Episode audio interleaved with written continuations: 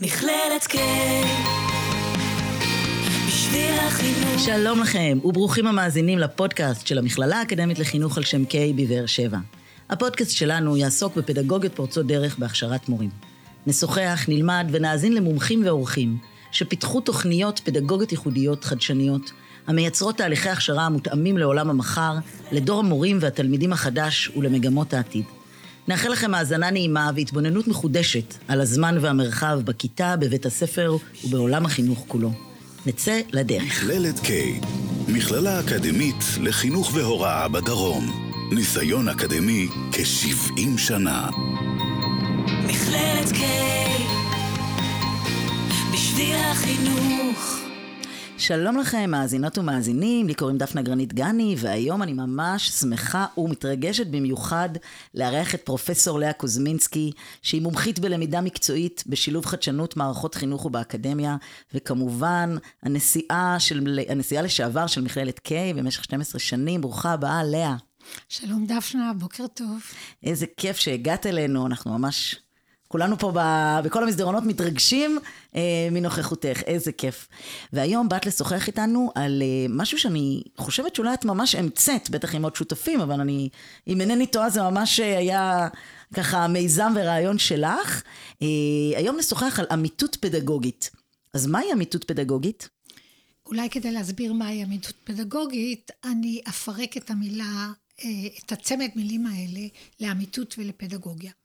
כשמדברים על אמיתות, בעצם מדברים על שותפות, ובמקרה הזה על שותפות שוויונית. תכף נסביר בין מי למי. כשמדברים על פדגוגיה, מדברים על מכלול האינטראקציות, שהוא בין הלומדים למלמדים. לכן כשאני מדברת על עמיתות פדגוגית, שהוא אה, באיזושהי צורה תרגום מאנגלית של partnership, כש, כשהכוונה היא ש... סטודנטים וחברי סגל אה, יחד לומדים על הפדגוגיה בהכשרה להוראה או באקדמיה בכלל או בבתי ספר. כלומר, יש אמיתויות פדגוגיות גם ברמות של בתי ספר. יש אמיתות פדגוגית גם בבתי ספר? בארץ ניסינו את זה בבית ספר אחד בבאר שבע, אבל אה, בעולם יש הרבה מסגרות של אמיתויות פדגוגיות גם ברמת בתי ספר, הרבה יותר שכיח ברמה אקדמית, כשברמה אקדמית הוא מאוד שכיח, בעיקר בארצות אנגלוסקסיות. ארצות הברית, בריטניה, כמעט כל ארצות סקנדינביה, אוסטרליה, ניו זילנד. אז מה, אז מה בעצם קורה? מה, מה, את מדברת על מכלול אינטראקציות ואמיתות, אבל מה, תסבירי לנו מה, על מה מדובר בעצם. את רוצה לדעת את הפרקטיקה עצמה. אני רוצה, אני רוצה להציג למאזינים על מה אנחנו מדברים. כשאנחנו מדברים על עמיתות, אנחנו מדברים על שיתוף פעולה, אה, שמה המטרה שלו בין מרצים לסטודנטים, בין מרצים למרצים. מה שקורה זה כשסטודנט וחבר סגל מצוותים יחד, הסטודנט מבקר בקורס של חבר סגל, הביקור הוא לאורך סמסטר שלם, הוא בבחינת צופה בשיעור, אחרי השיעור, והוא רושם לעצמו כל מיני הערות, סוגיות, שאלות. אחרי השיעור הוא נפגש עם המרצה ומנסה להבין עם המרצה את הרציונל, למה, אמ, איך, מתי המרצה נוקט בפדגוגיות. הסטודנט צפה בהם.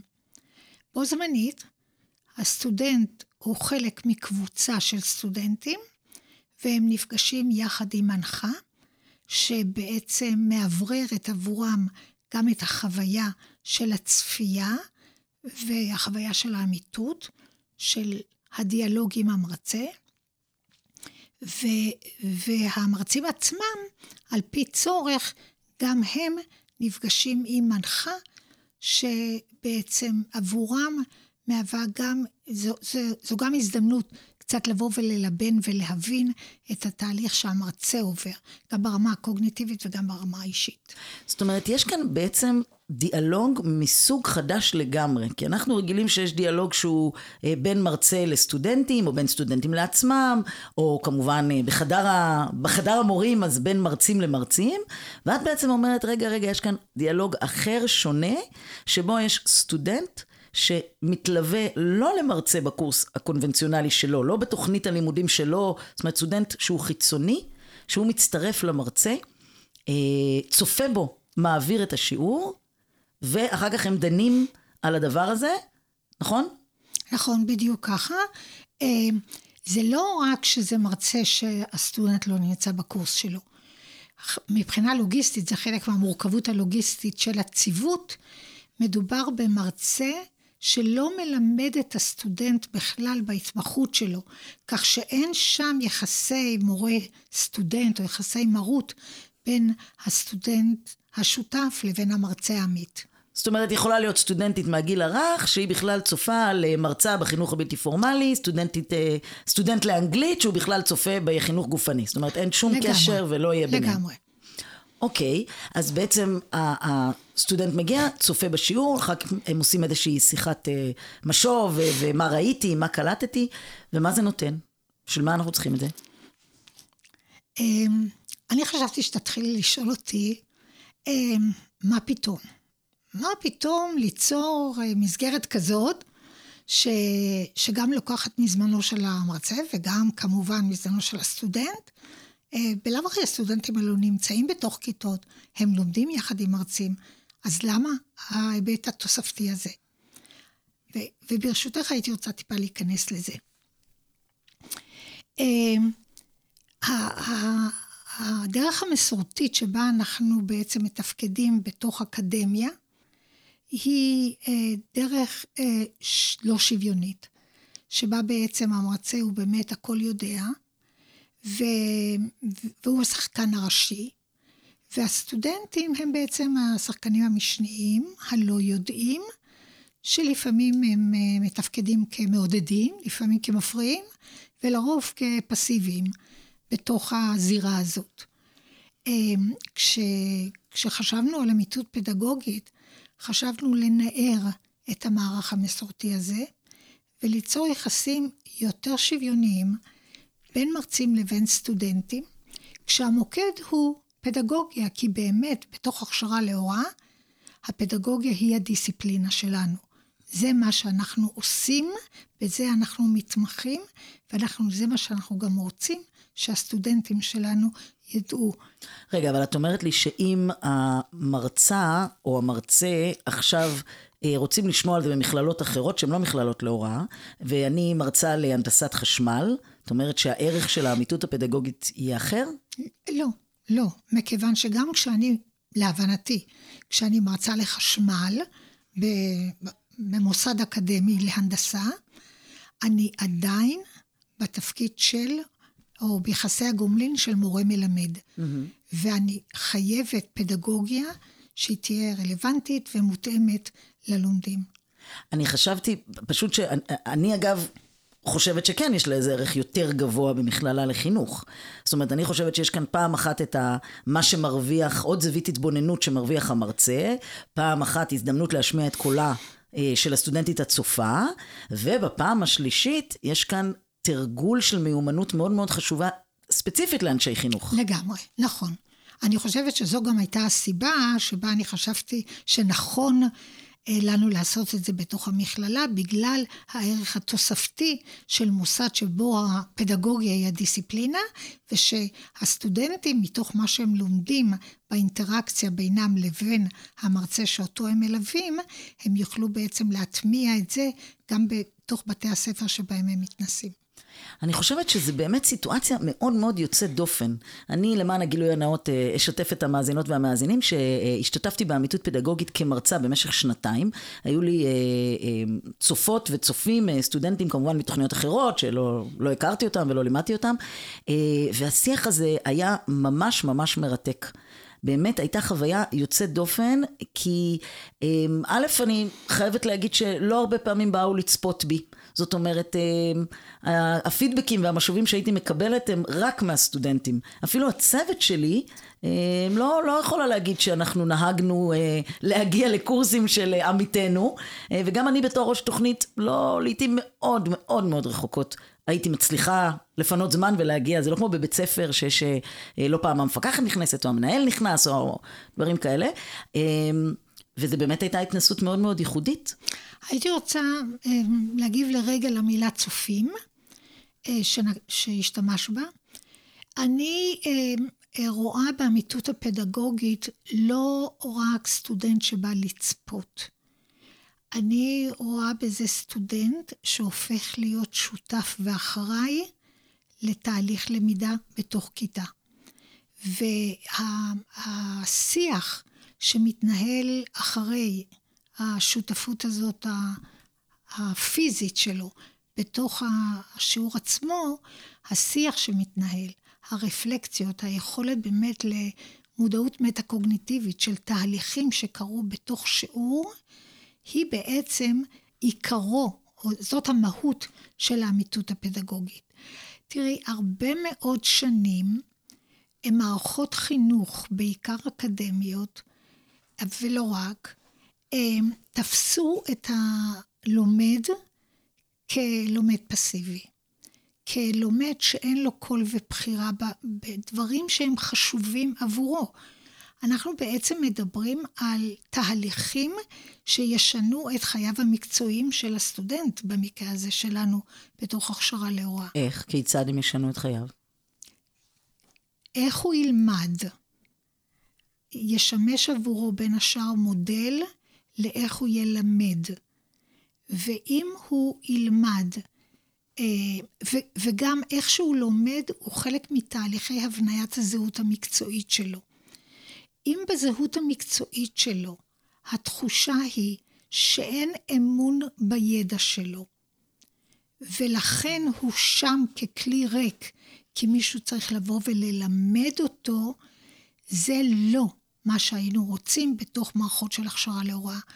אני הייתי רוצה לבסס בהכשרה להוראה זהות שבה יש אמון מלא בידע, בכישורים של מורים ושל תלמידים, של מרצים ושל סטודנטים, תוך שותפות, תוך אה, הבנה שאני נזכר ואתה נזכר.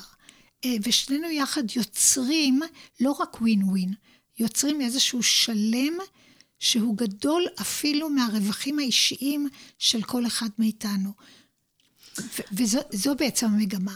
כי אם מסתכלים ככה מרחוק, לעבר, אז במאה ה-17 את מסתכלת על לוק ועל ג'ון לוק ואת, ואת שומעת באמת על הלומד הפראי והמורה שצריך בעצם... אה, לרסן. לרסן אותו, לאלף אותו, את, את הפראי שבו.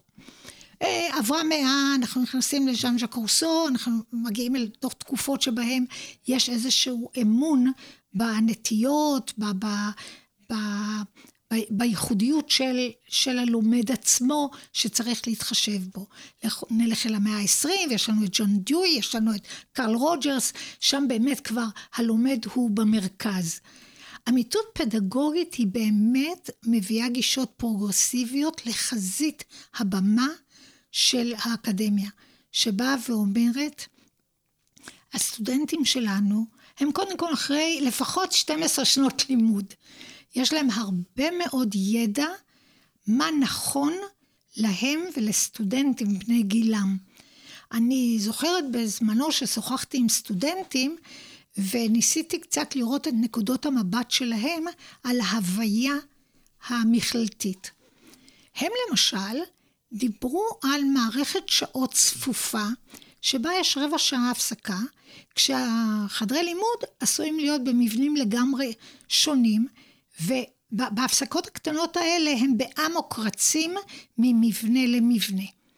הם דיברו על כך שמערכת המבחנים היא כזו שבעצם לא מתחשבת ביכולת שלהם ללמוד למבחן ובו זמנית גם לעשות עוד משימות חיים אחרות חשובות שלהם.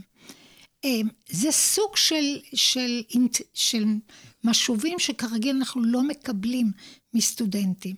כי מה שאנחנו כן מקבלים זה היום כמעט בכל קורס אקדמי, בסיומו של הקורס יש משוב. שהמשוב הזה הוא בעצם משוב שמשתמשים בו הרבה מאוד פעמים לקידום האקדמי של המרצה. המרצה הוא טוב או הוא לא טוב, איכות ההוראה שלו תקינה או לא תקינה. והוא משוב חד פעמי בנקודת זמן אחת לרוב מסכמת. כאן אנחנו מדברים, סליחה, על תהליך למידה שהוא נמשך לפחות סמסטר, לפעמים שנה, שבה כל הזמן שני עמיתים לומדים על מי הם ומה הם, על הזהות האישית המקצועית שלהם, וגם לומדים איך הם יכולים את המיומנויות האישיות שלהם לשפר ולהתאים כדי שהן יהיו רלוונטיות לאוכלוסייה הספציפית ש, שאותה הם מלמדים. אז זה באמת אה, נגעת פה בהמון המון נקודות מאוד מעניינות, גם אה, יש לנו אה, פרק אחר פה בפודקאסט שמדבר על הערכה דיאלוגית ובעצם ההבדל בין משוב קצה כמו שקראת לו שהוא חד פעמי וכמעט ואין מה לעשות איתו לעומת משוב שהוא לאורך הדרך, משוב שהוא ממש משיעור לשיעור, הבנה הרבה הרבה יותר ככה מעמיקה ומדויקת ואותנטית לאורך כל התהליך הזה של האמיתות הפדגוגית וגם זה באמת מאוד מאוד מעניין האם אה, עד כמה יש למכללה רצון, אה, זיקה, אה, אני אפילו אגיד במילים עדינות, אינטרס, לשמוע את כל הקולות, להביא מגוון רחב של קולות. מלמעלה, מלמטה, מהצדדים, כן, אני לא, לא רוצה להשתמש במושגים היררכיים כאלה, אבל באמת להביא כמה שיותר קולות ו, ולנסות לצמצם את הפער הזה, את הפער הזה בין אנשי הסגל לבין דור הזי, אה, איפה הם ואיפה אנחנו, וככל שאנחנו הולכים והשנים עוברות, אז הפערים אה, ככה אה, יותר ויותר גדלים ומתרחבים. אבל... תראי, יש קודם כל אינטרס פרגמטי. אנחנו יודעים למשל שסטודנטים ש... שלוקחים אחריות על הלמידה שלהם, ואמיתות פדגוגית מייצרת הזדמנויות ללקיחת אחריות הלמידה, סטודנטים כאלה הם סטודנטים מצליחים יותר. אמ, כך שאם האינטרס של מוסד אקדמי, וכמובן שזה האינטרס שלו, הוא שהסטודנטים שלו ילמדו ויצליחו, הנה, יש לך כאן אינטרס פרגמטי. יש גם, למשל, בתקופות של רפורמה, שבו אתה רוצה להטמיע איזשהו שינוי בתוך המערכת שלך, הרבה מאוד מחקר על הטמעת שינויים מלמד שאם השותפים לשינוי הם חלק מתהליכים של האחריות לשינוי, השינוי יצלח. אם השינוי הוא top down, מישהו הגה אותו ובעצם משליך אותו על האחרים, שינויים כאלה יזכו להרבה יותר התנגדות. לכן אני חושבת שגם מבחינה פרגמטית, למוסד צריך להיות עניין רב מאוד בהטמעה של אמיתות פדגוגית.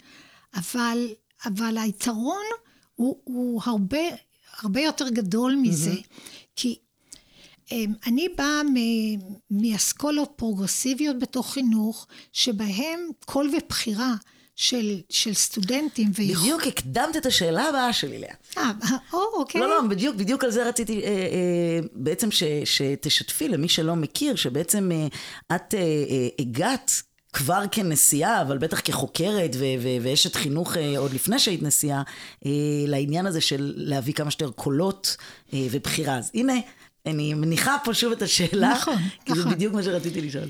כי אני בהחלט מאמינה שאני לא נזקקת לאמנת האו"ם לזכויות הילד כדי להבין שיש מקום חשוב לביטוי האישי של ילדים ודברים שקובעים את חייהם. אבל הם, הם, ברור לכולנו שהיכולת של אדם להיות אג'נטי, להיות שותף פעיל בתהליכים ובהכרעות שיקבעו את מהלכי חייו, זו משימה מאוד חשובה בחברה דמוקרטית כמו שלנו. ולכן לאפשר את, הזמן ואת המרחב להשמעת קול, וכרגיל באמת אומרים השמעת קול, הייתי רוצה להגיד אפילו השמעת קולות, מכיוון שזה לא קול אחד אחיד, למשל, של סטודנטים. זה קולות שונים, אבל היכולת שלנו להקשיב לקולות האלה ולאפשר להם לבחור אה, מה נכון או מה מתאים להם כלומדים, זו דרך נכונה. אני לפני 30 שנה, אמ, אמ, כשהתחלתי קצת לחקור את הנושא של, של קול והכוונה עצמית, היה לי מאוד ברור ש, שהיכולת של אדם לייצג את עצמו מול אחרים היא... מיומנות... היא, אה, זו מיומנות שתאפשר לו גם לקדם אינטרסים אישיים חשובים שלו. אני התחלתי את זה באמת עם אוכלוסיות, אה, אה, למשל עם אה, אנשים עם לקויות למידה ועם אוכלוסיות אחרות שיש להם מוגבלויות, ששם האווירה סביבם היא אווירה הרבה יותר פטרונית, שלא מאפשרת להם את השמעת הקול, והיה לי ברור שהשמעת קול שלהם תאפשר לבנות יחד איתם תוכניות שהן מותאמות להם. Mm-hmm. נכון. אז אם כבר הזכרת אוכלוסיות אחרות, אז אני רוצה רגע להתעכב על זה ו- ולשאול אותך, המכללה שלנו אה, ידועה ונושאת בגאווה את דגל אה, פדגוגיה של אה, מגוון צדק והכלה, ובאמת נותנת מענה לשתי אוכלוסיות, אוכלוסייה היהודית והאוכלוסייה הערבית. כיצד הרעיון הזה של אמיתות פדגוגית בא לידי ביטוי, ואולי אם את יכולה לספר לנו על מקרים או על דברים שקרו לא רק בחברה היהודית, שאני חושבת שאולי בחברה היהודית נראה לי שאולי בני הנוער יש להם הרבה מה להגיד, והסטודנטים הם אה, ככה רוצים לבוא קדימה. אה, בחברה הערבית, לפחות מהניסיון שלי, המבנה ההיררכי הוא, הוא, הוא מקובע. זאת אומרת, יש בו בהחלט אה, הרבה יותר מדרגיות. נכון, זו חברה יותר מסורתית, החברה הערבית, ובהחלט שם יש היבטים מאוד ברורים של מי הלומד ומי המלמד, ומהם הגבולות שאנחנו אולי לא חוצים באינטראקציות בין לומד למלמד. אבל הכל תלוי באווירה שנוצרת מסביב. אם זו אווירה של למידה, ואם זו אווירה לא של ביקורת ושיפוטיות, אלא של דיאלוג ושאלת שאלות. אז אנחנו רואים ו- ו- ואת שאלת ספציפית לגבי סטודנטים בדואים, למשל במכללת K, כמובן גם הם שותפים וגם מרצים. אה, אה, דוברי ערבית אה, שותפים למהלך הזה, ולאו דווקא סטודנט בדואי יהיה עמית של מרצה דובר ערבית. אם הסטודנט הבדואי דובר עברית מספיק טובה, אז הוא בהחלט יכול להיות משובץ בכיתה, בקורס של אה, מורה שהוא דובר עברית. והסטודנטים, על, רוב ההתרשמויות של, שלנו הם שאחרי איזשהו שלב ראשוני של התכנסות ו, וחשש, הם מבינים שמדובר כאן בדיאלוג ובשאלת שאלות וברפלקציות על, ו, והם פתוחים. הם, הם מוכנים, הם שואלים, הם, גם מראש בהנחיה, כי כמו שאת זוכרת, סיפרתי לך שכל התהליך הזה מלווה בהנחיה לסטודנטים. ולכן גם בהנחיה עצמה מלמדים את הסטודנטים איך לשאול את השאלות, כך שאתה תשמור על הכבוד של הסיטואציה, על הכבוד של המרצה, על הכבוד שלך, אתה, אתה תהיה מאוד קשוב למה שקורה בכיתה עצמה, ולא תהיה שיפוטי. איך, איך עושים את זה? איזה שאלות לדוגמה? למשל, אה, סטודנט, אה, אביא דוגמאות אמיתיות. אה, סטודנט ראה בשיעור שהמורה בתחילתו של כל שיעור קוראת קודם כל את כל שמות הסטודנטים בקול, ומחכה שכל אחד ירים את ידו והיא מסמנת נוכחות. הוא שאל אותה, למה את עושה את זה? והתחיל דיון אה, בין, בין הסטודנט לבין המרצה. אה, כשבאיזשהו מקום המרצה אמרה, אתה יודע מה? זה גרם לי לשאול את עצמי מחדש, למה אני עושה את זה, והאם זו דרך שלי למשטר בש... את, הש... את הסטודנטים בשיעור שלי. זו דוגמה אחת. אה, דוגמה אחרת, גם, גם אה, מסטודנטית בדואית, אה, במקרה הזה זה היה קורס אנגלית, והיא נוכחה לראות שהמרצה הוא זה שקורא בקול את הטקסט שאחר כך הם עובדים עליו. בשיחת הרפלקציה, הסטודנטית פשוט שאלה אותו.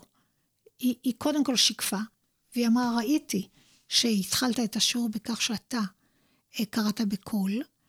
אה, למה בחרת לקרוא בקול?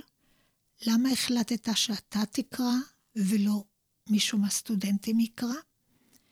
אה, המרצה לרגע עצר את עצמו ואמר, יכול להיות שאני לא מספיק מאמין בשטף קריאה של הסטודנטים שלי. אני אנסה. בשיעור אחר כך הוא ניסה והתרשם מאוד. אמיתות פדגוגית היא באמת, אם אחת הסוגיות המרכזיות, באמיתות, היינו רוצים לציין מהי סוגיה מרכזית באמיתות פדגוגית, זו הסוגיה של האמון. באיזה מידה יש לי כמרצה אמון ביכולות של הסטודנטים, באיזה מידה יש לסטודנטים אמון ב, אה, בנכונות המלאה של המרצה ללמוד אותי ולבוא לקראתי. תגידי, ואיך מרצים אה, בדרך כלל מגיבים לדבר הזה? שהם פתאום מקבלים משוב ועוד ממישהו שככה אה, אורח לרגע רואה כל פגע כזה. נכון. קודם כל, השימוש הוא לא במילה משוב. השימוש הוא בדיאלוג. אנחנו משוחחים ביחד. Mm-hmm. זה מאיים.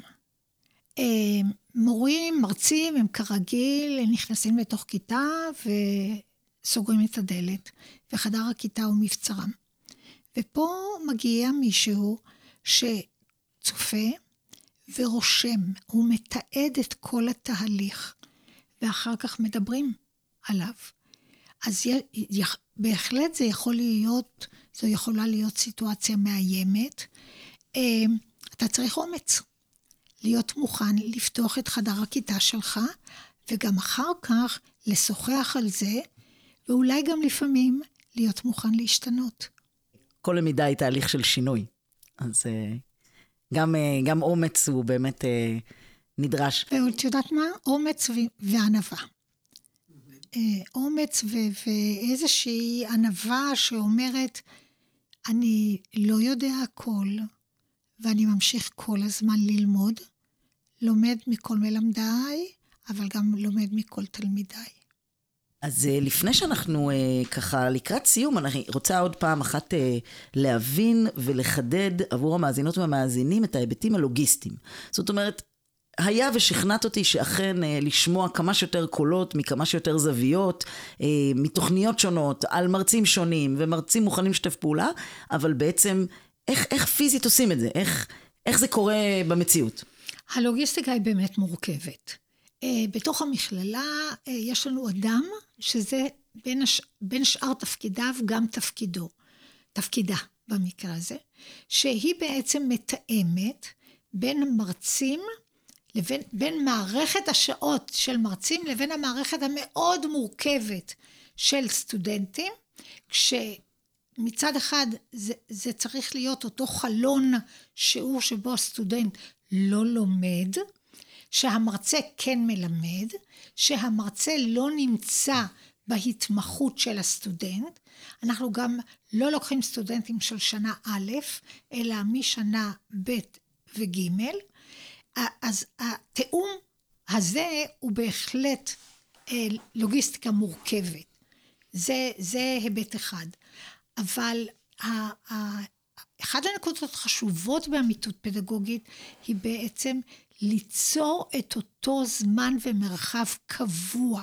בהרבה מערכות מדברים על האפשרות שבה אה, אה, יהיו מפגשים בין אה, סגל לסטודנטים. אה, אבל התזמון, איפה אני יוצר את המפגשים האלה. הסדירות, בעצם לייצר את הסדירות הקבועה זה אחד המרכיבים המאוד מאוד חשובים, זה באמת יוצר גם את הרצף ואת השיח וה, וההבנה שאני מקבלת את המשוב, אני חושבת שמה שאת אומרת זה מאוד מעניין, כי אני באמת חושבת, אה, שוב, כפי שציינתי מקודם, אה, כשאני עברתי את התהליך הזה, אז חלק מבניית האמון עם הסטודנטים שצפו בי, היה שהם באמת ראו שהשתמשתי בידע החדש שהם נתנו לי. זאת אומרת שאם היה לנו שיחה על נושא מסוים, והם אמרו לי, תראי, ככה וככה ויכולת לעשות אחרת, ואולי מה את חושבת על זה, מה את חושבת על זה, אז בעצם בשיעורים הבאים, אמרתי לעצמי, אוקיי, זה היה טיפ טוב, לא ראיתי אותו לבדי, ועכשיו אני יכולה להשתמש בו, ואז בעצם ככה נבנה, נבנה האמון הזה נבנה בינינו. נכון. לפעמים גם, אה, אפרופו אמון, הבנייה של הידע שנוצר במהלך קורס באמיתות בין הסגל לסטודנטים, משמש אחר כך אה, לבנייה משותפת של סטודנטים ואיש הסגל לקורס הבא. פירושו הוא שכשהמרצה מתכנן את הקורס הבא שלו, הוא מתכנן את זה עם השותפים האמיתיים, הסטודנטים שלו, וככה הם בונים מחדש את הסילבוס של הקורס הזה לשנתון הבא, על סמך מה שלמדנו באמיתות של השנה הזאת. תגידי, והסטודנטים הם כאלה אלטרואיסטים? הם, אה, הם באים אה, על חשבונם הפרטי ובזמנם הפנוי? סטודנטים הם אנשים מאוד עסוקים. חלקם אה, עסוקים לא רק בלימודים, אלא גם בפרנסה. הם גם אנשי משפחה. אה, וזה בהחלט מורכב מבחינתם לפנות את הזמן, כי הם לא רק מפנים את אותם שעתיים בשבוע, כי קורס הוא שעה וחצי רצופים, אלא גם את המפגשים אחר כך, שהם מפגשי ההדרכה, גם עם, עם המדריכה או המנחה, אבל גם המפגש עם איש הסגל. כלומר, עבור הסטודנט מדובר בערך בארבע עד חמש שעות בשבוע להשקיע. זו בהחלט השקעה, ו, ובמכללה הבנו שהסטודנטים יכולים מאוד לרצות, אבל אילוצים אה, של החיים שלהם לא יאפשרו להם, ואם זה חשוב לנו, אנחנו נצטרך להציע להם מלגה, ואנחנו מציעים להם באמת מלגה קטנה, אבל כן מלגה של, שכמו שהם היו מקבלים לו הם היו חונכים סטודנט אחר, אה, ו, וזה בהחלט אה, גם אה, תמריץ לסטודנטים. תודה רבה רבה לך, פרופסור לאה קוזמינסקי. אם, אם הייתי רוצה ללמוד עוד על הנושא, איפה, איפה אני יכולה לחפש אולי פרסומים או תכנים? בעברית יש מספר פרסומים ש... שאני הייתי שותפה להם, שהופיעו גם בגיליון של קולות, אה, שהוא כתב עת של מכללת קיי, וגם בגיליון של לקסי קיי. אה, הכהנת הגדולה אה, בתחום הזה היא Cook-Sather, Alison Cook-Sather, שהוא, שהיא מאוניברסיטת Bryn Mawr בפנסילבניה. היא, דרך אגב, הזמנו אותה אלינו למכללה לפני מספר שנים, והיא כאן אה, אה, ערכה יחד איתנו סדנאות, והיא בעצם לימדה אותנו את הידע שלה. אה, ואז, דרך אגב, גם הבנו שמה שנכון לתרבות האמריקאית, לא נכון בהכרח לתרבות הישראלית. שוב, מכללה בהקשר. ההקשר שלנו יצר פן אחר לחלוטין של אמיתות פדגוגית. כשהיא הייתה בארץ, היא התפעלה גם מהמונח אמיתות. אה, כש, כשניסינו להסביר לה, לתרגם לה את המילה עמית, שהוא אה, חבר שוויוני, אה, חבר ש, שהוא בהיבטים של, של מקצוע ושליחות ומשימה משותפת. והיא אמרה, וואו, אצלה זה פרנדס. ואצלנו זו לא הכוונה. Mm-hmm. אין כאן כוונה פתאום שכל כן. אחד יהיה חבר של כל אחד. Mm-hmm. הכוונה היא באמת ליצור אמיתות מקצועית, שבה כל אחד ניזון מהידע של האחר. ונותן לו הזדמנות uh, ללמוד ולהשתנות. נכון. אז אני מאוד מאוד מודה לך. אה, ואני מודה גם לחגי גלילי, העורך שלנו באולפן, ולמרכז אדם, אשר במכללת K. תודה גם לכם, מאזינות ומאזינים. תודה רבה, דפנה, נהניתי. נתראה בפרקים הבאים. מכללת K, בשביל החינוך. מכללת K, בשביל החינוך.